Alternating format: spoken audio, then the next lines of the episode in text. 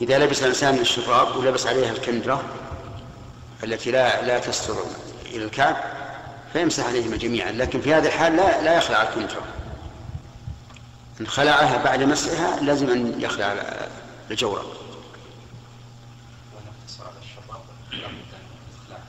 أي معلوم. لو الشراب. هو يخلعها عند الوضوء ويمسح الشراب لكن يستريح. يبقى حرا بالنسبة لخلع الكنادر أو عدمه.